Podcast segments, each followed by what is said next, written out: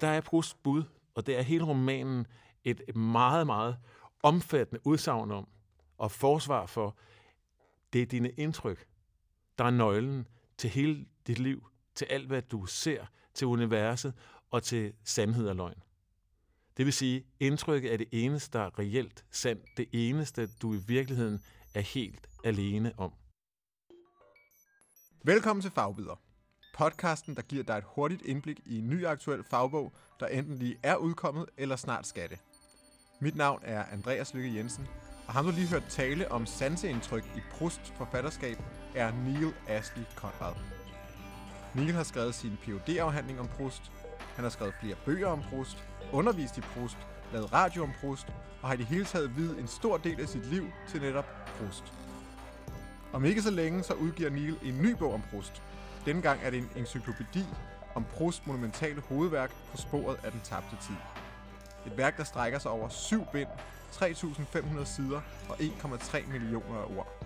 Muligvis verdens længste roman. Jeg har inviteret Niel forbi biblioteket for at høre, hvad der fik ham til at skrive en encyklopædi over på sporet af den tabte tid, hvordan værket skal bruges, samt hvad det er, Proust kan med sproget, som har givet ham denne særlige status i litteraturhistorien. Jeg fik lyst til at samle øh, de mange øh, indtryk, jeg havde fået af, af romanen.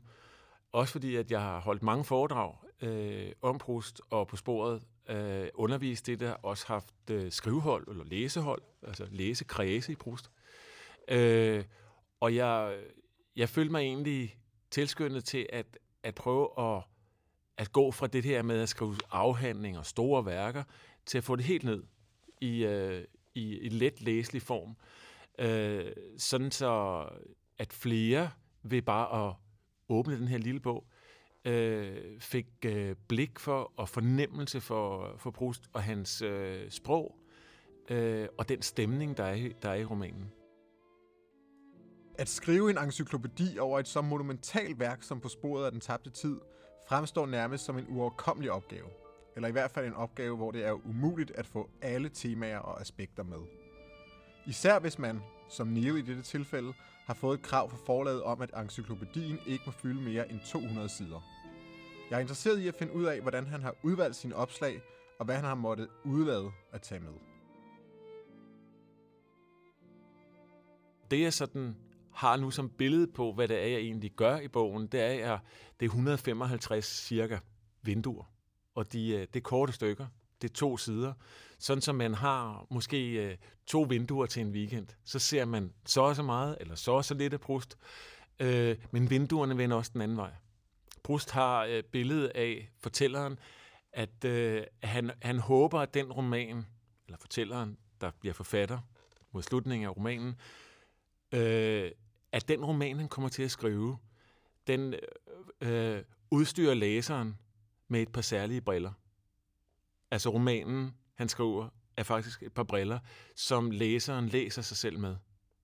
Altså det vil sige, at han ikke læser verden, men sig selv og dermed sin endnu ikke skrevne bog. Så enhver læser bliver i yderste forstand, hvis vedkommende tager bruslæsningen alvorlig, eller alvorlig, selvforfatter.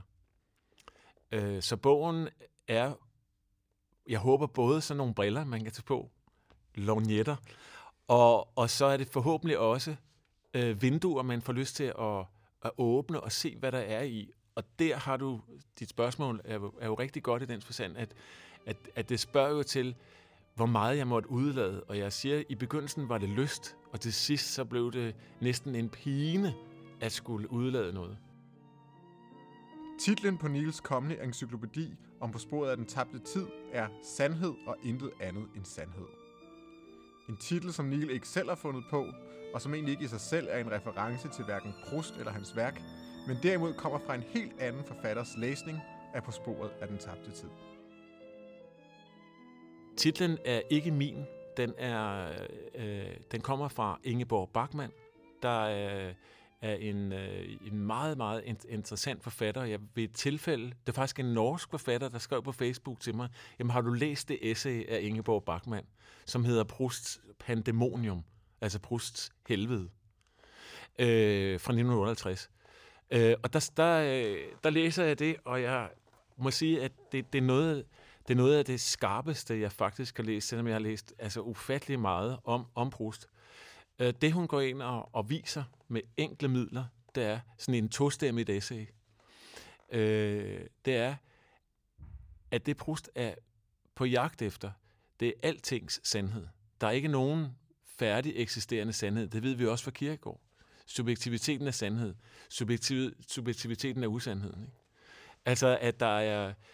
Det, der er, det er egentlig et mellemværende med, med en verden, som, som vi ikke forstår, og som vi hele tiden forsøger at give mening. Og vi drives af vores begær til at finde svarene. Og det, som jo er vores livsamatørs, altså han burde hedde Marcel i romanen, men altså jeget, han tager fejl af en lang, lang række ting, før han egentlig når frem til, at det han skal, det er egentlig at skrive. Den søgen er hele tiden en søgen efter sandheden om kærlighed, sandheden om, øh, øh om vores forhold til hinanden. Øh, og han læser meget ofte verden forkert, andre mennesker forkert, og tager fejl. Så sandheden kan altså for Proust kun være subjektiv, aldrig objektiv.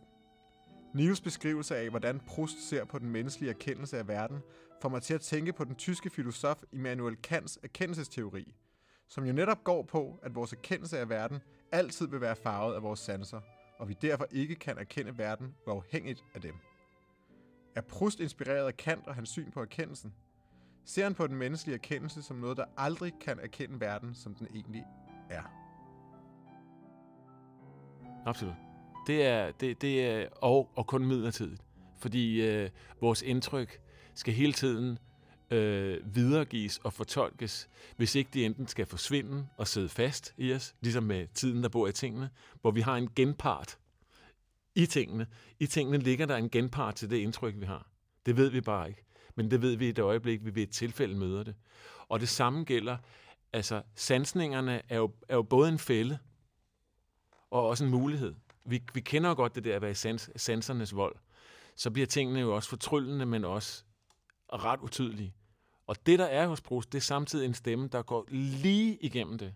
Altså også cirkler, snirkler sig igennem det, etisk reflekteret, sanseligt reflekterende og reflekterende sansning. Det er det, der hele tiden ligger som sådan en slags rytme i, han, i hans værk, uanset hvad han beskriver. Han kan godt gengive to mennesker, der taler sammen, men straks efter, så er det noget andet, der er vigtigt. Og det, der har med sandhed at gøre, er egentlig, som jeg vil sige det kort, det er, at øh, Proust er på jagt efter, hvad det er, der i virkeligheden styrer alle menneskers liv. Og det er en, øh, en i grunden ret uhyggelig lovmæssighed. Altså, han beskriver, hvad der på det øh, individuelle plan sker for, for, for fortælleren eller for jeget, men i virkeligheden er det kun for, ofte på samme side, at gå fra jeg til mand. Og det vil sige, at, øh, at man kan uddrage en lærer bare ved at følge de steder, hvor Proust skriver mand. Sandhed og intet andet end sandhed indeholder rigtig mange punkter at slå ned i. Der er selvfølgelig de oplagte med væsentlige karakterer fra romanen, samt om den berømte Madeleine-kage, der sender Proust ud på en sanselig erindringsrejse tilbage til barndommen. Der er også opslag, som man ved første øjekast stusser lidt over. Eksempelvis et opslag om ristet brød, et om brustrin, et om vandrør, og så var der et opslag, der fangede min opmærksomhed, nemlig om androgynitet. Et tema, der fylder meget igennem hele på sporet af den tabte tid. Proust har en, en opfattelse af, at vi i virkeligheden er androgyne. Han havde en grundopfattelse også af, at han selv var, havde en hermafroditisk tilgang til verden. Og det er sådan fuldstændig grænseløs i forhold til seksualitet, som jo også er et af tidens væsentligste øh, diskussionsområder i øjeblikket. Ikke? Altså mandligt, kvindeligt, øh, feminisme, maskulinitet og sådan noget. Men i virkeligheden handler det hos, hos Brust om, at, øh, at vi ikke vil være ved, at vi har den her dobbeltkønnethed, at vi også har den her øh, den grænseløse seksualitet. Det, det, det, det er det ene. Det andet er, at, at, øh, at det androgyne egentlig også har, har med hele vores, altså, altså personernes orientering i forhold til hinanden at gøre, uden at de selv ved det. Og der er fortælleren en, der ligesom går ind og ud af, af, af, af personerne, og ligesom lyser op eller viser skjulte sider. Og der oplever man for eksempel øh, Baron Chaly, som, som er en af hovedpersonerne, men også flere af de andre, at de har sådan en, en, en androgyn natur. Og øh, det knytter sig så igen til, øh, for nu ikke at gøre svaret for langt, men det knytter sig igen til øh, opfattelsen af det som Proust, i stedet for homoseksualitet, for det aflyser han, han kalder det inversion. Altså, øh, mennesker er øh, enverté. Det vil sige, de har en omvendt kodning. Det vil sige, de har en omvendthed i sig. De kan hvornår som helst bryde ud i en biseksualitet, eller en homoseksualitet, eller en lesbianisme, eller en øh, transkønnet øh, øh, væremåde. Altså det beskriver øh, romanen særligt fra midten af værket, der hedder Sodoma og Gomorra.